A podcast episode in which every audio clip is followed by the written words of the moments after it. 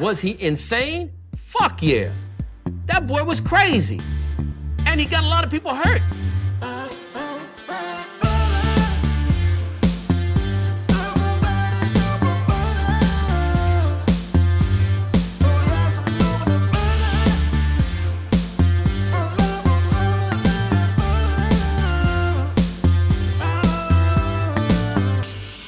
Like butter. I fucking love butter.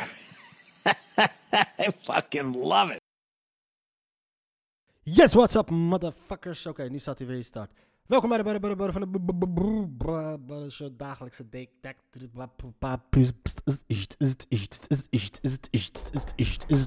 Hot tot tot, hot tot tot, hot tot tot. Hot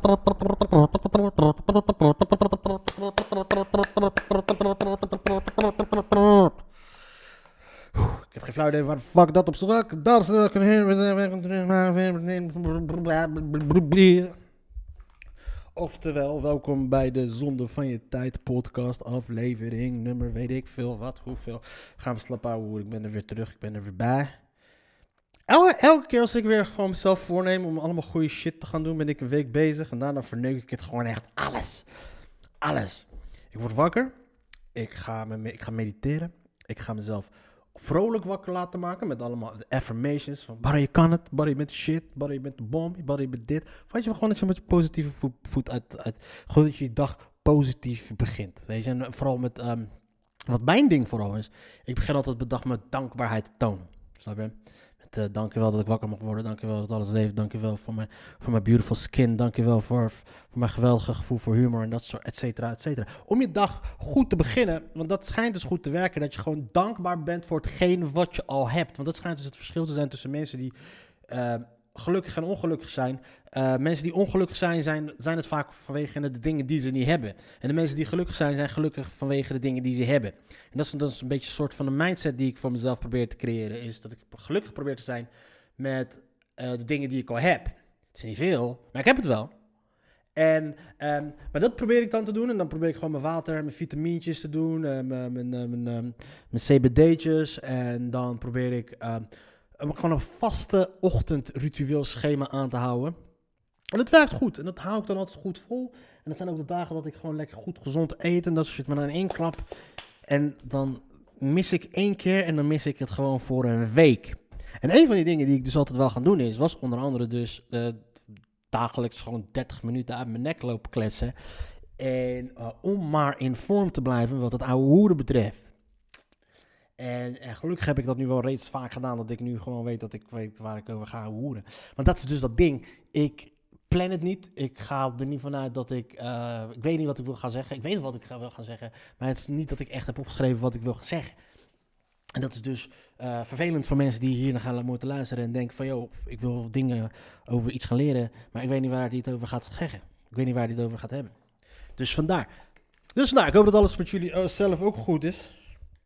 Weet je wat, laten we gewoon even een krantje bijnemen, kijken wat er allemaal is gebeurd in deze hectische, enerverende wereld. Uh, Nederlands elftal gisteren 3-0 gewonnen. Nederlands elftal is op. Ik ben wel blij dat Wout Weghorst niet in de spits stond. God alle Jezus, wat kan ik me irriteren aan die motherfucker. Wout Weghorst is de type gozer die in de klas zat en gewoon letterlijk... Uh, die, Wout Weghorst is die jongen die in je team zat en letterlijk ook gewoon echt uh, nooit, nooit, nooit, de, nooit de randjes afsneed. Hij, hij, hij rende om de pionnetjes heen. Allemaal. En hij rende vooraan. Uh, Wout Weghorst had eigenlijk gewoon een verdediger moeten zijn. Maar hij is bloedirritant. Volgens mij moet je ook echt dat bloedirritante in je hebben om, om, om zo ver te komen zoals hij met zo weinig talent als dat hij heeft. Dus wie ben ik om over deze motherfucker te gaan praten? Hij heeft waarschijnlijk nu al meer geld verdiend dan ik ooit in mijn leven ga verdienen. Maar. Maar dat betekent niet dat ik hem niet irritant mag vinden. Hij is bloedirritant. Ik zag hem gisteren alweer bij, die, bij de Wilhelmus. Stond hij daar weer achter Frank de Boer.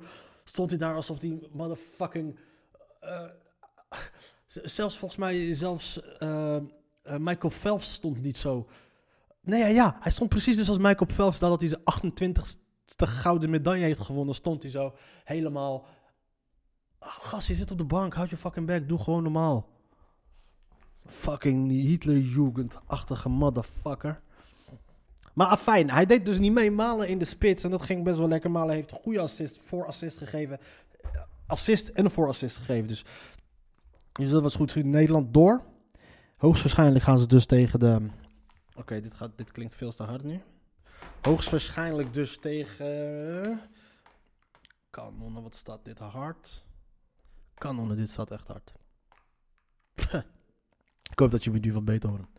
Nee, maar Nederland moet nu dus waarschijnlijk tegen de nummer 3 uit de pool. Frankrijk, Engeland, Portugal. Frankrijk, Duitsland, Portugal en Hongarije. Dus eh, dat is aanstaande zondag. Dus kortom, dat is gewoon einde toernooi voor het Nederlands elftal. Hey, maar voor hetzelfde geld is het niet zo. Niks te verliezen. Nou ja, ik kan fucking hard op je bek gaan. Maar ja, ongeslagen naar de achtste finale. We hebben Leidse Dagblad erbij. Crimineel niet veilig in Dubai. Nederland, Nederland sluit uitleveringsverdragen met de Emiraten. Oh, no, Marokkanen zullen daar niet blij mee zijn. Maar niet alleen de Marokkanen, ook die Nederlanders doen ook aan criminaliteit. Ja. Dat maakt demissionair minister Fred Grapperhaus, Justitie en Veiligheid, maandag bekend. Volgens de CDA-bewindsman zijn de afspraken cruciaal in de strijd tegen de georganiseerde misdaad.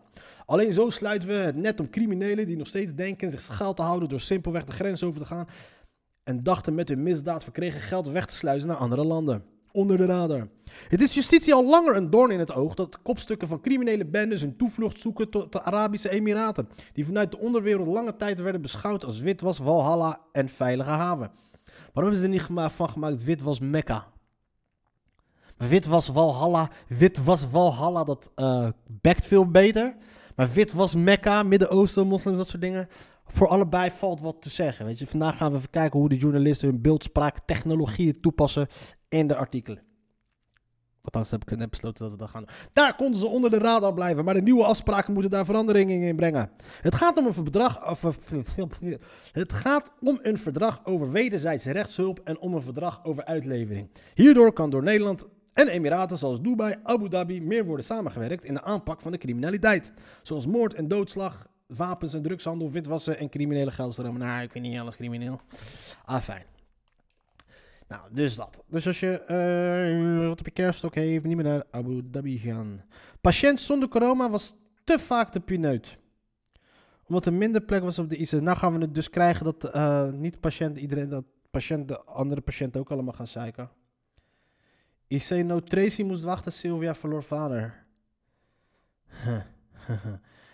Eh, wat hebben we nog meer? Is Lange Ali de Hedel afperser? Hedel, dat gaat waarschijnlijk dus, zeer zeker gaat dit dus over eh, de fruitzaak in Hedel. Hedel, eh, heel erg bekend van de ziekte van Hedel. Dat betekent dat als je meer haar op je ballen hebt dan op je schedel. Ehm, daar zit dus een fruitbedrijf die dus bedroog, eh, bedreigd wordt door criminelen. En dus waarschijnlijk ook omdat natuurlijk cocaïne wordt heel vaak geïmporteerd in pakken fruit en dat soort shit. En eh, waarschijnlijk is er iets niet goed gegaan. Ah, fijn. Is Lange Ali Hedel afpersen? Ik ken een Lange Ali. Hoofdverdachte uit Bussen met weinig imposant strafblad. Voor iemand die een fruitbedrijf zou afpersen en een intimidatiecampagne tegen onschuldige werknemers zou aansturen, heeft Ali G. een weinig indrukwekkende CV. De hoofdverdachte uit de afpersingzaak lichtte eerder mensen op, maar blonk niet uit in grote drugs- of geweldzaken. Vandaag staat G 36 uit Bussum opnieuw voor de rechter in een voorbereidende zitting in de strafzaak rond de afpersing van het fruitimportbedrijf De Groot Fresh Group in Hedel en de intimidatiecampagne die daarop volgde. De hoofdverdachte wordt verdacht van afpersing van de directie van het fruitbedrijf in mei en juni 2019 na een fonds van 400 kilo cocaïne. Ali G zou de huiveringwekkende sms'jes hebben gestuurd, waarin onder andere stond dat willekeurige werknemers geliquideerd zouden worden als de directie niet 1,2 miljoen euro zou betalen ter compensatie van het verlies van de drugs. Dat is niet het enige. Hij wordt ook verdacht van betrokkenheid bij het teweegbrengen van explosies en brandstichting bij woningen van werknemers. Er volgden zeker 15 aanslagen met brandblommen, blommen, bommen en explosieven en vuurwapens. G zit nog steeds vast. Ja, ik hoop het wel. Hm. Dat zou een fucked up situatie zijn. Ophef over transgender gewichtshefster bij Spelen. Oh ja, dit is dus waarschijnlijk in Nieuw-Zeeland. Is er dus een, ehm, een gewichtsheffer. Die was eerst dus een vent. En nu is het een vrouw. En die doet nu mee met gewichtsheffen. Toen het nog een vent was, was het ook al een nu is het een vrouw. Doet ze ook mee met de Olympische Spelen voor de gewichtsheffen. Nou, luister eens, iedereen, dames en heren. Verkoop je huis. Eh, verkoop al je pak, r- verzamel al je centen die je hebt. En zet hem in op deze chick. Want zij gaat geheid dat gewichtsheffen winnen. 100%. Ik zeg het je nu al. Laurel Hubbard. Ze zijn al vaker opgedogen in de topsport, maar nu ook Tokio hoogstwaarschijnlijk een transgender mee gaat doen aan gewichtsheffen voor vrouwen, zou de discussie weer oplaaien. Is het wel een eerlijke, is het wel eerlijk als voormalige mannen mee, mee, mee mogen doen bij de vrouwen? Volgens het Internationaal Olympisch Comité moet die vraag met ja worden beantwoord. Niet voor niets veranderde de IOC in 2016 de regel voor transgender die aan de Spelen mee willen doen. Vrouwen die eerder man waren, moeten minstens een jaar voor de Spelen lagere testosteronwaarden in hun bloed hebben dan 10 nanomol per liter. De 43-jarige Nieuw-Zeelandse Laurel Hubbard voldoet aan die eis en mag dus meedoen in Tokio. Overigens mogen transgenders die als meisje zijn geboren zonder aanvullende eisen bij de mannen meedoen. Ja, maar dat is heel wat anders. Omdat het. eh, kijk, dit is gewoon oneerlijke competitie. Snap je? Als, als jij als voormalig man meedoet met een sport met vrouwen, dat is oneerlijke competitie. Je mag dan een, een jaar lang, een, jaar lang eh, een lagere testosteronwaarde hebben laten meten. Maar die, al die jaren daarvoor heb jij wel, ehm, dat je wel een man was. Dat heeft allemaal invloed gehad op je botstructuur, op, je, op jouw eh, spierweefsel, op van alles en nog wat. Waardoor het echt oneerlijke competitie is ten opzichte van vrouwen. Weet je, vooral als je dan nog ook nog eens doet in de vechtsport bijvoorbeeld, dat je vrouwen laat vechten tegen transgender mannen. Die transgender mannen, transgender vrou- vrouwen, die slopen die vrouwen helemaal de tyfus in. Het is letterlijk, ze hebben letterlijk geen enkele, geen enkele kans. Bij nagenoeg alle sport hebben mannen tussen de vrouwen meer kans om te winnen dan vrouwen die bij de mannen meedoen. Dat heeft logischerwijs te maken met de natuurlijke bouw en de kracht van mannen. Die factoren hebben er ook toe geleid dat mannen en vrouwen in verschillende categorieën topsport bedrijven. Het is duidelijk dat de reductie van de testosteronwaarde in het bloed de mannelijke voordelen sterk verlaagt. Testosteron geldt als een van de belangrijkste factoren die bij het prestatieverschil tussen mannen en vrouwen verklaart, al zijn de geleerden het niet unaniem eens. Ja, op dat moment misschien dan niet de testosteronwaarde, maar de, eh, de, testo de hogere testosteronwaarde heeft er wel toe geleid dat jij uiteindelijk als eh, voormalig man zijnde wel nog steeds heel veel eh, trekjes hebt van een voormalige man. Dat je, je, je, hebt een beter bot, botspier. Je botten zijn sterker, groter. Je spieren, je hebt meer spieren. Je hebt sowieso al een ruime, gigantische, ruime voorsprong op de rest van het, van het, van, van, van het veld. Toch wordt de deelname van transgenders bij de vrouwen vaak als oneerlijk ervaren. Ook omdat ze in het eerste deel van hun leven vaak intensief als man hebben getraind. Zolang ze in hun nieuwe categorie niet veel winnen, lijkt er niet veel aan de hand. Maar de Canadese mountainbikester Michelle Dumaresque, die in 1996 een operatie onderging, beleefde een pijnlijke prijsuitreiking toen ze in 2006 nationaal kampioen werd. Tijdens de huldiging sprong de vriend van de nummer 2, Danica Shooter, het podium op in een provocerend t-shirt. De Braziliaanse volleybalster Tiffany Abreu was ooit volleyballer Rodrigo Abreu. In 2017 debuteerde ze in de professionele Italiaanse vrouwencompetitie. Met haar gespierde en 1,92 meter lange lichaam was ze meteen uit de blinkster. Velen, velen vonden dat niet eerlijk, al voldeed haar testosteronwaarde aan de gestelde eisen. Natuurlijk is dat niet eerlijk. Sportpsycholoog Rico Schuijers kan die reactie wel begrijpen. In de geest van de mens werkt het zo dat als iemand eerder een man is geweest en nu een vrouw is, dat diegene per definitie sterker is. Maar het is niet in de geest van de mens zo, de realiteit is dat zo. Dat gaat tegen ons eerlijkheidsprincipe in, maar eigenlijk is sport per definitie oneerlijk. Er zijn mensen met langere armen en kortere armen, langere benen of kortere benen. Daardoor ben je misschien bij uitstek al meer geschikt voor hardlopen dan bijvoorbeeld roeien. Ja, oké, afijn, dat is dan wel waar. Maar in dat geval kunnen we dan, eh, in dat geval ga ik dan meedoen met kleine meisjes. Schuivers snapt het gevoel van oneerlijkheid bij de concurrenten van Hubbard. Zij trainen al jaren voor de titel en hebben nu het idee dat hen de kans daarop ontnemen is. Dat, dat mentale is niet handig. Als zij bijvoorbeeld al denken dat ze een achterstand hebben op Hubbard, dan is de kans dat ze haar verslaan ook kleiner. Gedacht, gedachten hebben in die zin ook wel invloed op die prestatie. Maar het feit dat die, dat die, dat die bitch een motherfucking eh, 188 kon bankdrukken toen ze 16 was, heeft er ook mee te spelen, vriend. Van Gogh. Oké. Binnen de Nederlandse wielrennen is een voorbeeld bekend van een vrijwel rimpeloze deelname van een transgender bij vrouwen. Nathalie van Gogh werd geboren als man. Dus Theo is helemaal niet dood. Onderging in 2005 een geslachtsverandering. Hmm, 2005, 2005, oké. Operatie rijdt nu al heel wat jaren in het peloton tussen de vrouwen. Kort na haar verschijning in het peloton werden vraagtekens geplaatst, maar inmiddels is haar aanwezigheid breed geaccepteerd. Zaterdag fietste de 46-jarige Van Gogh mee op het NK voor vrouwen en werd ze 39. Ja, dat komt omdat zij waarschijnlijk vroeger al niet kon fietsen. En het feit dat ze op deze leeftijd nog steeds mee kan doen, heeft te maken met het feit dat ze Nederlander is. Ze is fucking een man is geweest. Ze is 46 jaar oud en ze, ze doet nog steeds mee met het NK. En ze wordt 39ste. Waarschijnlijk zitten allemaal kinderen daar die haar kinderen hadden kunnen zijn als ze er ooit een keertje raak heeft geschoten. Van Gogh wil geen reactie geven op de mogelijke deelname van de Nieuw-Zeelandse transgender aan de Olympische Spelen. Je wilt een verhaal over iets maken dat niet de sensatie en aandacht verdient. Dus daar werk ik niet aan mee. Shut the fuck up, man. Je moet niet gaan doen alsof er niks is. Luister, all power to you van Gogh. Als jij een vrouw wilt zijn, prima. Perfect voor jou. Maar we moeten, niet, we moeten dit niet gaan ontkennen. We kunnen de realiteit niet gaan ontkennen. Wielrenner van Gogh is goed, maar wint niet zoveel. De Nieuw-Zeelandse gewichtshefster Hubbard hoort bij de wereldtop en zou in de super zwaargewichtklasse kans maken op eremetaal in Tokio. Haar Belgische concurrente Anna van Belingen is niet enthousiast. Iedereen die op hoog niveau heeft getraind voor gewichtsheffen weet dat deze specifieke situatie oneerlijk is voor de sport en de atleten. Ik begrijp dat dit niet simpel is en dat er veel onpraktische zaken zijn bij het bestuderen van zo'n zeldzaam fenomeen, maar voor atleten voelt dit als een slechte grap. Dat is wat je gaat krijgen. De kwestie over transgenders in de topsport moet niet worden verward met de veelbesproken zaak rond de Zuid-Afrikaanse atlete Caster Semenya.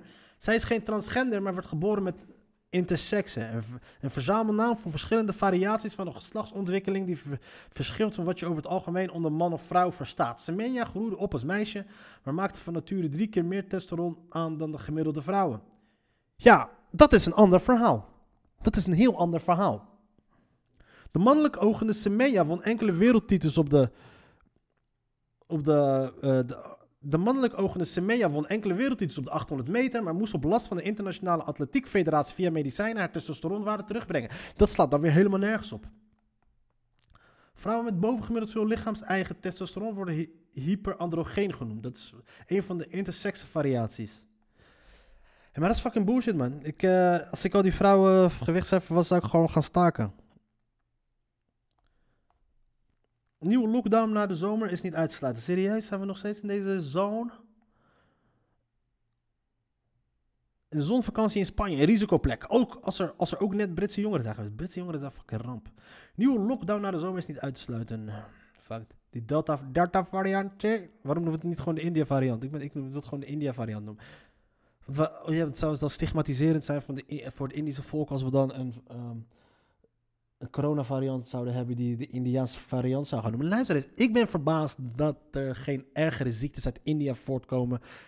En deze coronavariant zou alleen maar nog zo een griepje zijn vergeleken met wat daar eigenlijk uit vandaan hoort te komen. Als je ziet hoe smerig dat land is.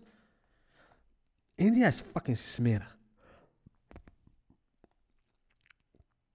Dingen die je nooit tegen je baas zegt. Ha. Ha. Hmm, dat, oh. Yo, je moest eens weten wat ik allemaal tegen mijn baas heb gezegd. Hoezo is er een gezagsrelatie? Het lijkt soms of je in Nederland alles tegen je baas kunt zeggen. Dat is niet zo. Ondervond Japke D. Bauma. Uitschelden, flirten, ik zou het niet doen. De relatie met je baas is een mijnenveld, zegt Bram Peper. Niet de Bram Peper, maar de arbeidssocioloog aan de Universiteit Tilburg, als ik hem erover bel. Vooral in Nederland. Dat komt omdat we hier de neiging hebben de relatie met onze baas nogal eens te bagatelliseren, of beter gezegd, te amicaliseren, als dat een woord zou zijn. Want we zijn toch allemaal gelijk in Nederland. Je baas is vooral je vriend. Hoezo, hoezo een gezagsrelatie? Zo zien we het. Een beetje zoals ouders tegenwoordig veel meer dan vroeger de relatie met hun kinderen beschouwen. En hoe Mark Rutte weer meer een toffe peer zonder visie is dan een baas van dit land. Het moet vooral gezellig blijven. Wat nogal verschilt, zegt Peper, met veel van de ons omringende landen waarin een baas gemiddeld vaker meer op afstand staat. Dat bleek ook toen ik op Twitter de vraag stelde wat je beter niet tegen je baas kunt zeggen. Baas, zo'n ouderwets woord, ik zeg liever leidinggevende. Alsof dat iets heel anders is, of manager. Waren een aantal reacties. En natuurlijk de dooddiener, een hond heeft een baas. Het geen nou, dooddien- dooddoener, een hond heeft een baas, ik heb geen baas. Kijk, Daar beginnen de problemen dus al, zegt Paper. Want uiteindelijk komt toch altijd weer het moment dat er moet worden afgerekend. En dan krijg je die promotie niet, krijg je kritiek. Daar begint de verwarring. Ik was toch zulke goede vriendjes met mijn baas. Nee, nu is het opeens wel je baas. En dus lijkt het me nuttig eens een lijstje te maken van dingen die je beter kunt inslikken. Want het mag dan lijken of je alles in Nederland tegen je baas kan zeggen. Dat is allerminst het geval, zegt Paper. Voor mij is het te laat, maar jij kunt je carrière misschien nog redden. Hier komen ze. Ik heb geen zin, ik heb geen tijd om morgen naar mijn werk te komen. Het, het is wat ik zelf zei op mijn eerste werkdag bij de Volkskrant. Het is daarna nooit meer goed gekomen. Tuurlijk, ik had de afspraak dat ik flexibel mocht beginnen. Maar ik heb geen tijd voor je. Is strijdig met zo'n beetje alle beginselen van de relatie baas-werknemer, zegt Paper. Jij wordt betaald en in ruil daarvoor geef je je vrije tub, op. Zo simpel is het. Niet uit te leggen aan de collega's ook. Als jij je eigen voorwaarden mag komen. Ja, luister. Uh, sommige mensen hebben nou helemaal die luxe om... Uh, je moet het niet aan het begin doen. Je moet die luxe wel verdienen. Dat je op eigen voorwaarden kan komen werken wanneer je wilt. Nummer 2. Ik zou met jou wel eens een beschuitje willen eten. Ja, dat moet je niet zijn. Flirten met je baas zou ik ook niet doen, zegt Paper. Tenzij je de bruiloft al gepland hebt. Hij laat jou helemaal niet discriminerend of racistisch uit tegen je baas. Niet eens zozeer omdat de bazen er niet tegen zouden kunnen, maar ook omdat ze zich vanuit hun positie niet kunnen veroorloven het over hun kant te laten gaan. Hoe aardig ze je ook vinden. Groot gelijk, motherfucker. Als ik een werknemer zou hebben en die zou zeggen van... Yo, eh, jullie Marokkanen dit, Holland Marokkanen dit, doen dat. Paats op je oog.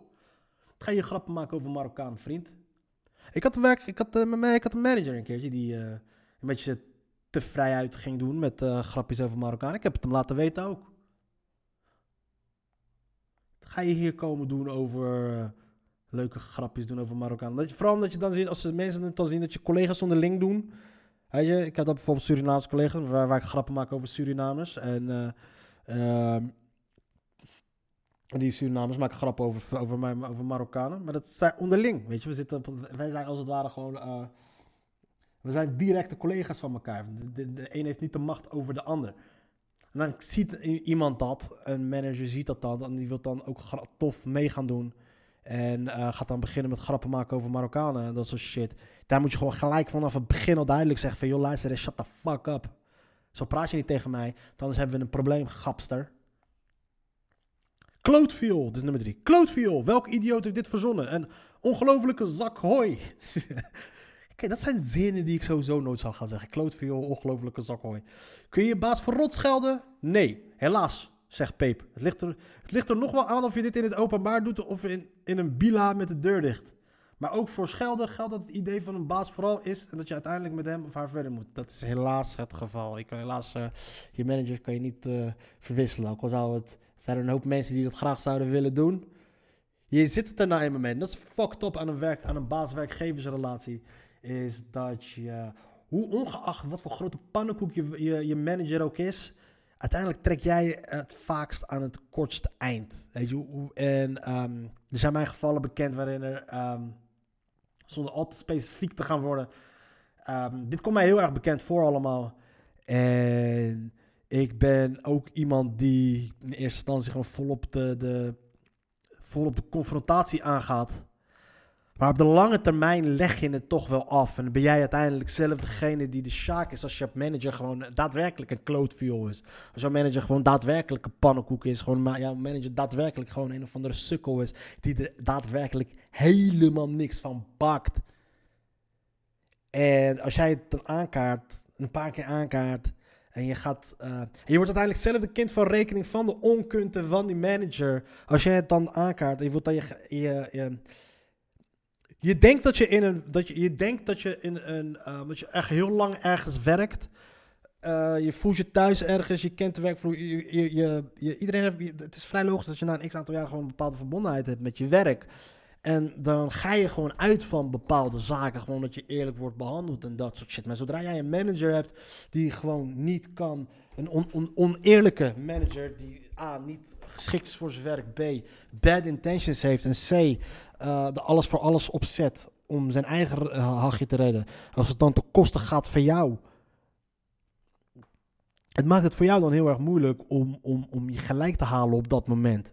Weet je, want uh, als jij Um, als je dan keihard daar op dat moment confrontatie aangaat met die manager. En dat zijn dingen die ik in het verleden wel eens heb gedaan. Je, wat je dan krijgt is dat die managers dan bijvoorbeeld al onbetrouwbaar aan, aan zien. En alles wat daarna volgt is voor mij, op dat, was op dat moment voor mij onbetrouwbaar. Ik kan die gozer niet vertrouwen.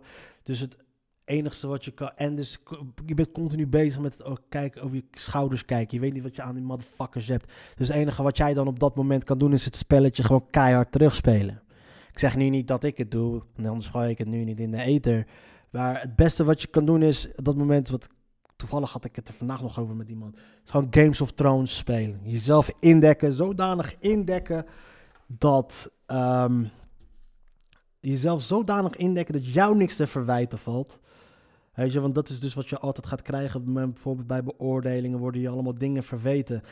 En ehm, dingen, maar die dingen moeten wel hard gemaakt worden. Maar die kunnen niet meer hard gemaakt worden, omdat het al periodes zal zijn geweest. En een manager heeft de luxe dat hij jou niks hoeft uit te leggen. Dus daarom is het dus van groot belang dat je vooraf al alles afbakent. Dat je vooraf al ehm, je shit voor elkaar hebt. Weet je, dat als je de punt bepaald komt dat je te maken krijgt met die onbetrouwbare manager. Dat hij niet opeens met verrassingen uit de grote hoed kan toveren. En jou daarmee op de bek kan slaan. En dat is het meest belangrijke. Dus eh, ga vooral niet te persoonlijk door met die, met die gasten. Ehm, managers die niet geschikt zijn voor hun werk, die niet kunnen wat ze kunnen gaan, die, die, die er gewoon niet geschikt voor zijn, die vallen uiteindelijk wel door de mand. En zolang, jij, zolang ze jou hebben in je team, zolang ze jou hebben in hun team, kunnen ze alles afschuiven op jou als de schuld van het feit dat het niet goed gaat binnen een team. En dat is wat je weg moet halen. Jij moet niet de reden zijn dat, eh, jij moet niet de kapstok zijn waar hij zijn falen op kan hangen. En ehm, geloof me, doe dat en, het, en je komt er en eh, je zult merken dat die persoon dan van, vanzelf wel op een gegeven moment zijn eigen graf graaft. En dan, ze zijn dan zo snel weg, net zo snel weg als dat ze zijn gekomen. Boeia, bitch. Eh, ik vind jou een hele slechte baas. Oh ja, dat moet je niet zeggen, want dan krijg je later. Dan kun ik je uit ervaring vertellen. Dan krijg je op je rekening. Is echt zinloos als je vervolgens niet constructiefs te melden hebt, vindt Paper. Wat je nog wel zou kunnen proberen is draagvlak bij collega's zoeken en dan kritiek geven, zegt hij. Het gevaar daarvan is echter dat mensen die bij de koffieautomaat zeggen dat ze het met je eens zijn, dat vaak vergeten zijn in de vergadering waarbij je het aan de orde stelt. Vervolgens houdt iedereen zijn mond stil en bungel jij. De baas stapt zelden op. Dat is heel zeker het geval. Dus ehm, hou je er buiten. Als je baas slecht is, je zult het gaan, gaan merken. Een slechte baas is in principe. Een slechte baas is in principe iemand die met zo min mogelijk werk eh, zo hoog mogelijk beoordeeld wil worden. Maak daar gebruik van. Maak daar gebruik van. En het laatste waar, hij, waar een slechte manager op zit te wachten, is iemand die hem dwars zit. Waar sle- ehm, wees die persoon die hem juist. ehm, wees die persoon juist die hem laat denken dat hij echt daadwerkelijk geweldig is. Wees die cheerleader voor hem. Laat hem denken dat hij shit is. Laat hem denken dat hij de shit is. Dat hij geen last heeft van jou. Want hij zou jou sneller beoordelen. Terwijl jij ook geen kanker meer hoeft te doen. Sorry voor mijn taalgebruik. Je hoeft geen moer meer te doen. Zolang jouw manager maar denkt dat jij hem geen probleem eh, veroorzaakt. En dat jij voor hem, een, eh, dat hij door jou lijkt alsof hij een goede manager is. Dan ben jij spekkoop. Dat staan als je nog echt goed je werk doet. Dubbele spekkoop. Maar je hoeft dan nog ineens je werk goed te doen. En je, wordt al, je krijgt al die, die, ehm, je krijgt al die, die, beoorde, de, die waardering die je zou willen hebben. Want dat is namelijk hoe, die, hoe een slechte manager dat zelf ook doet. En Trouwens, en dit is niet voor, en ik praat hier niet over situaties dat je sowieso moet gaan werken. Maar als je dus te maken hebt in de sfeer met een, met een manager die er niks van bakt, met een oneerlijke manager, met een, met een onbetrouwbare manager. eh, dat is de situatie hoe je naar mijn mening moet handelen. Dat is de enige manier hoe je ook kan handelen. Snap je? Ik bedoel, de fout ligt niet bij jou. Eh, de fout ligt bij de mensen die een slechte manager op die post hebben neergezet. En als de pleuris uitbreken omdat het slecht gerund is, is het niet aan jou. Jij moet gewoon overleven. Jij moet gewoon overleven. Even kijken hoor. De baas zelf ook. Eh, nummer 5. Ten eerste, omdat je daarmee. Dat geldt ook voor. Daar hebben we, dat hebben we al honderd keer geprobeerd. Ten eerste, omdat je daarmee bazen misgunt hun eigen fouten te maken. Maar vooral omdat het bij uitstek de uitspraak is van collega's die al halverwege, een, halverwege zijn burn-out zit. De oude zeikert, de nachtkaars, veel succes ermee. Maar er speelt hier nog iets mee, zegt Peper. Macht corrumpeert. Dus veel bazen denken dat ze heel wat voorstellen. Zeker als ze de nieuwe agile strategie aan het uitrollen zijn. Dat ga jij niet veranderen. Zeg dus liever, goh, interessant idee. Ga dan zo mogelijk, ga zo ver mogelijk je eigen weg. Dat is dat dingetje. Als je managers met een bedrijf bewijsdrang, je gaat niks tussenkomen van wat ze gaan doen. En vooral als jij dan het idee hebt, als zij denken dat een geniaal idee is en dat jij degene bent die het gaat blokkeren en dan gaan ze je terugpakken. Laat ze lekker doen. Managers zijn passanten. Managers zijn passanten, net als voetbaltrainers. Komen ze komen gaan en ze gaan. Laat hem lekker zijn ding doen. Laat hem, zich goed, laat hem doen waar hij zich bij goed bij voelt. Help hem daarbij. En uh, fuck dat harde werken. Oprecht. Als jij, op, als jij op een werkvloer zit waar het gewoon nog steeds mogelijk is, wordt gemaakt door mensen van hoger hand, dat er fucking pannenkoeken op bepaalde posten komen te staan.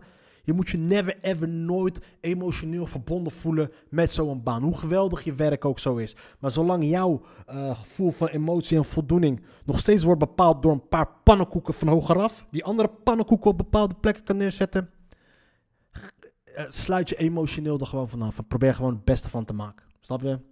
De toko runt wel verder. De toko runt wel verder. En als het echt helemaal naar de pleuris gaat, zul jij never ever ooit degene zijn die erop wordt afgerekend, maar de motherfuckers bovenaf. Laat ze maar denken. Laat ze maar denken dat het. Uh, laat ze maar denken dat ze de pannenkoek die ze daar hebben neergezet de juiste keuze is. Voet in dat idee. Speel dat spelletje mee. Gewoon Games of Thrones-achtige praktijken. Want dan kun je de eigen ervaring vertellen. Als je je te veel bij die shit gaat betrekken. Dat je fucking paranoia wordt. Fucking geschift wordt. En jij zult degene zijn die de kind van rekening is aan het einde. Voorkom dat. Voorkom dat, voorkom dat. Wees een bron van happiness, geluk en plezier. En ondertussen, uh, doe gewoon je ding. Denk aan jezelf. Fuck al die motherfuckers. Pas op met practical jokes. Hartstikke leuk om een keer een foto van je baas in de Russische vlaggenparade te photoshoppen en die op zijn deur te plakken. Maar realiseer je wel dat overige 364 dagen van het jaar weer in de pas moet lopen. Dan zijn we uit, dan zijn we uitgepraat. Oké, wat moet je nog meer niet zeggen? Dan zijn we uitgepraat en hier scheiden, scheiden onze wegen. Dit kun je echt alleen in de Tweede Kamer zeggen, zegt Peper. In de echte wereld zal een van de tweede afstand moeten overbruggen. En dat is zelden de baas. Dan zijn we voorlopig uitgepraat. En dat is wel zo. Uh, wat je ook niet tegen je baas moet zeggen. Wat doe jij hier eigenlijk de hele dag? Luister eens, dat, dat. Ja. Ja, dit vragen we ons allemaal wel eens af van onze baas, toch? Maar het zeggen, nee, vindt Peper. Niet alleen omdat de baas rechtstreeks in in hun bestaansrecht wordt aangetast, maar omdat je die vraag dan ook aan jezelf moet stellen. En dan moet je ook eerlijk zijn. Beetje met collega's mailen, beetje tikken, een beetje interessant doen in de Zoom. Dat is het meestal wel. Of, moet je, met of, of je moet politieagent zijn, vuilnisman, docent en in het onderwijs of in de zorg werken. Ja toch? De belangrijkste functie van betaald werk is toch ervoor zorgen dat we niet allemaal tegelijk op straat elkaar in de weg lopen, zegt Peper. Als je dan zo graag even, evenveel wil verdienen als je baas, word dan lekker zelf de baas of ga mondkapjes importeren. Jij eruit of ik eruit. Dat vind ik altijd zo'n kinderachtig om te zeggen als je, als je een vast contract hebt, zegt Peper. In de VS sta je na zo'n uitspraak binnen een kwartier op straat met je kartonnen doos. In Nederland weet je dat je minstens een half jaar verder bent voor ze van je af kunnen, als je al hoeft te vertrekken. Ja, dat is waar. Je, zoals ik al zei, je gaat never ever nooit winnen van je baas. En uiteindelijk moet je je de vraag stellen, hoe invested ben je in je werk? Hoe echt daadwerkelijk betrokken ben je bij je werk. Dat je denkt van oké, 99% van de mensen die aan het werk zijn, het is niet jullie droombaan. Het is niet je droombaan. Snap je? Dus hoe erg, hoe emotioneel kun je erbij betrokken zijn? Gewoon laat maar varen. Nee, kun je nee, kun je nee zeggen tegen je baas? Ja, sterker nog, dat zouden we veel vaker moeten doen, vindt Paper. Zeg in ieder geval nooit altijd ja. Maar maak liever duidelijk afspraken met je baas, zegt Paper. De meeste problemen ontstaan doordat niet goed wordt besproken wat je van elkaar verwacht. En dat is waar. En een beetje goede, slimme, slimme sneaky manager zorgt ervoor dat hij uh, uiteindelijk. Want dat, die zullen zeggen van ja, maar ja, ik denk dat uh, de verwachtingspatronen waren niet op elkaar afgestemd. Oké, is goed. Als we gaan dan de volgende keer gaan we de verwachtingspatronen op elkaar afstemmen. En een beetje sneaky motherfucker zou dan van zeggen van ja, oké, die zou het afspraken maken van de boot af. Die, die, die zou die boot afhouden.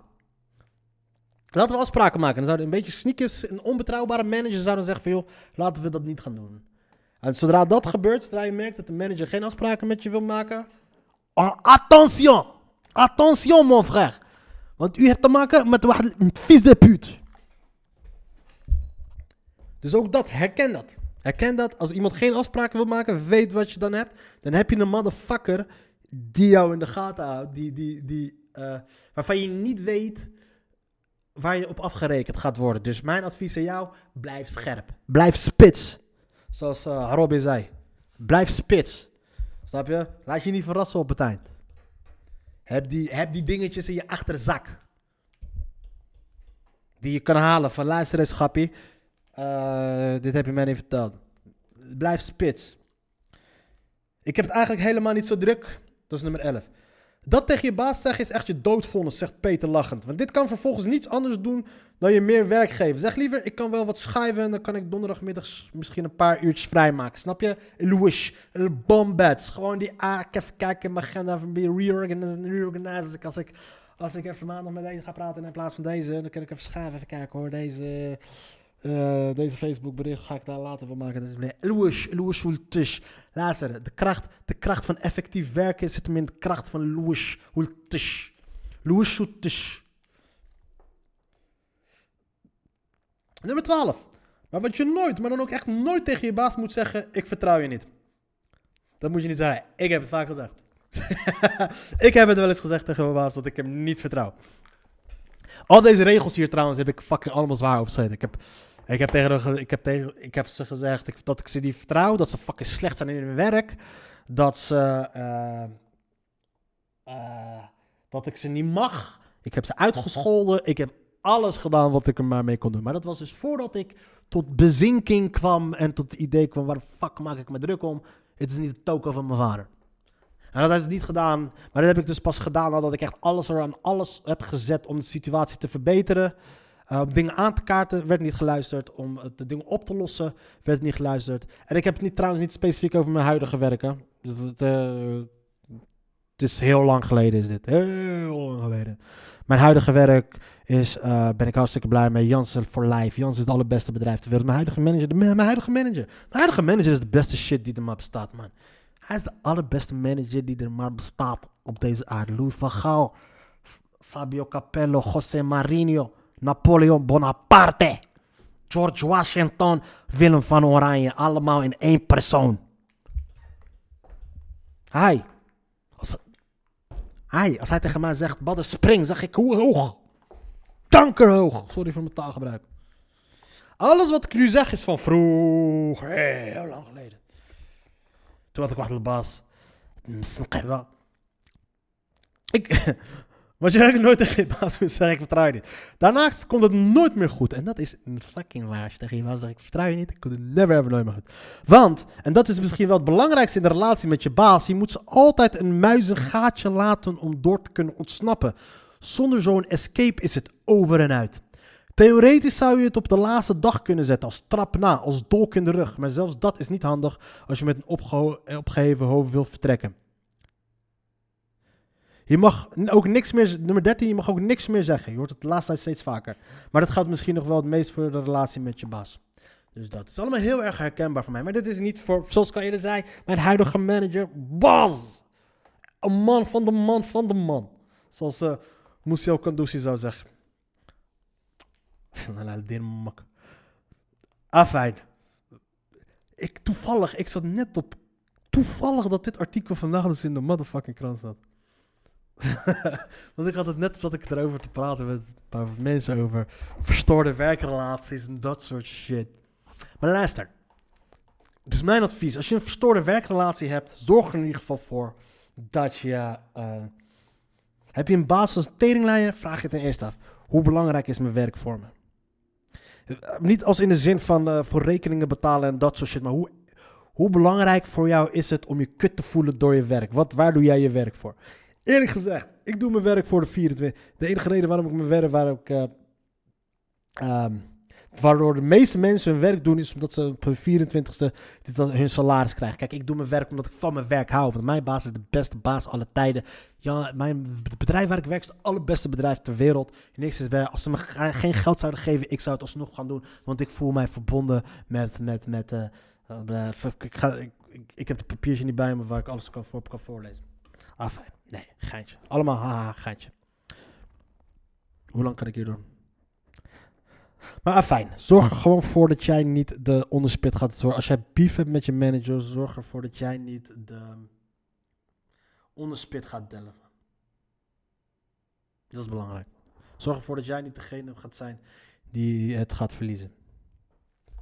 Dus gewoon door te zeggen van oké, doe wat je gevraagd wordt. En eh, that's it. Weet je, een slechte manager, een slechte baas, die graaft zijn eigen graf wel. Dus, ehm, maar dat geldt niet voor mij. Want ik heb een hele goede manager mijn werk, mijn, mijn werk. Ik heb het allemaal vroeger. Vroeger, vroeger was fucked up, maar nu gaat het allemaal goed. Ik wens jullie allemaal een gezegend week. Tot morgen.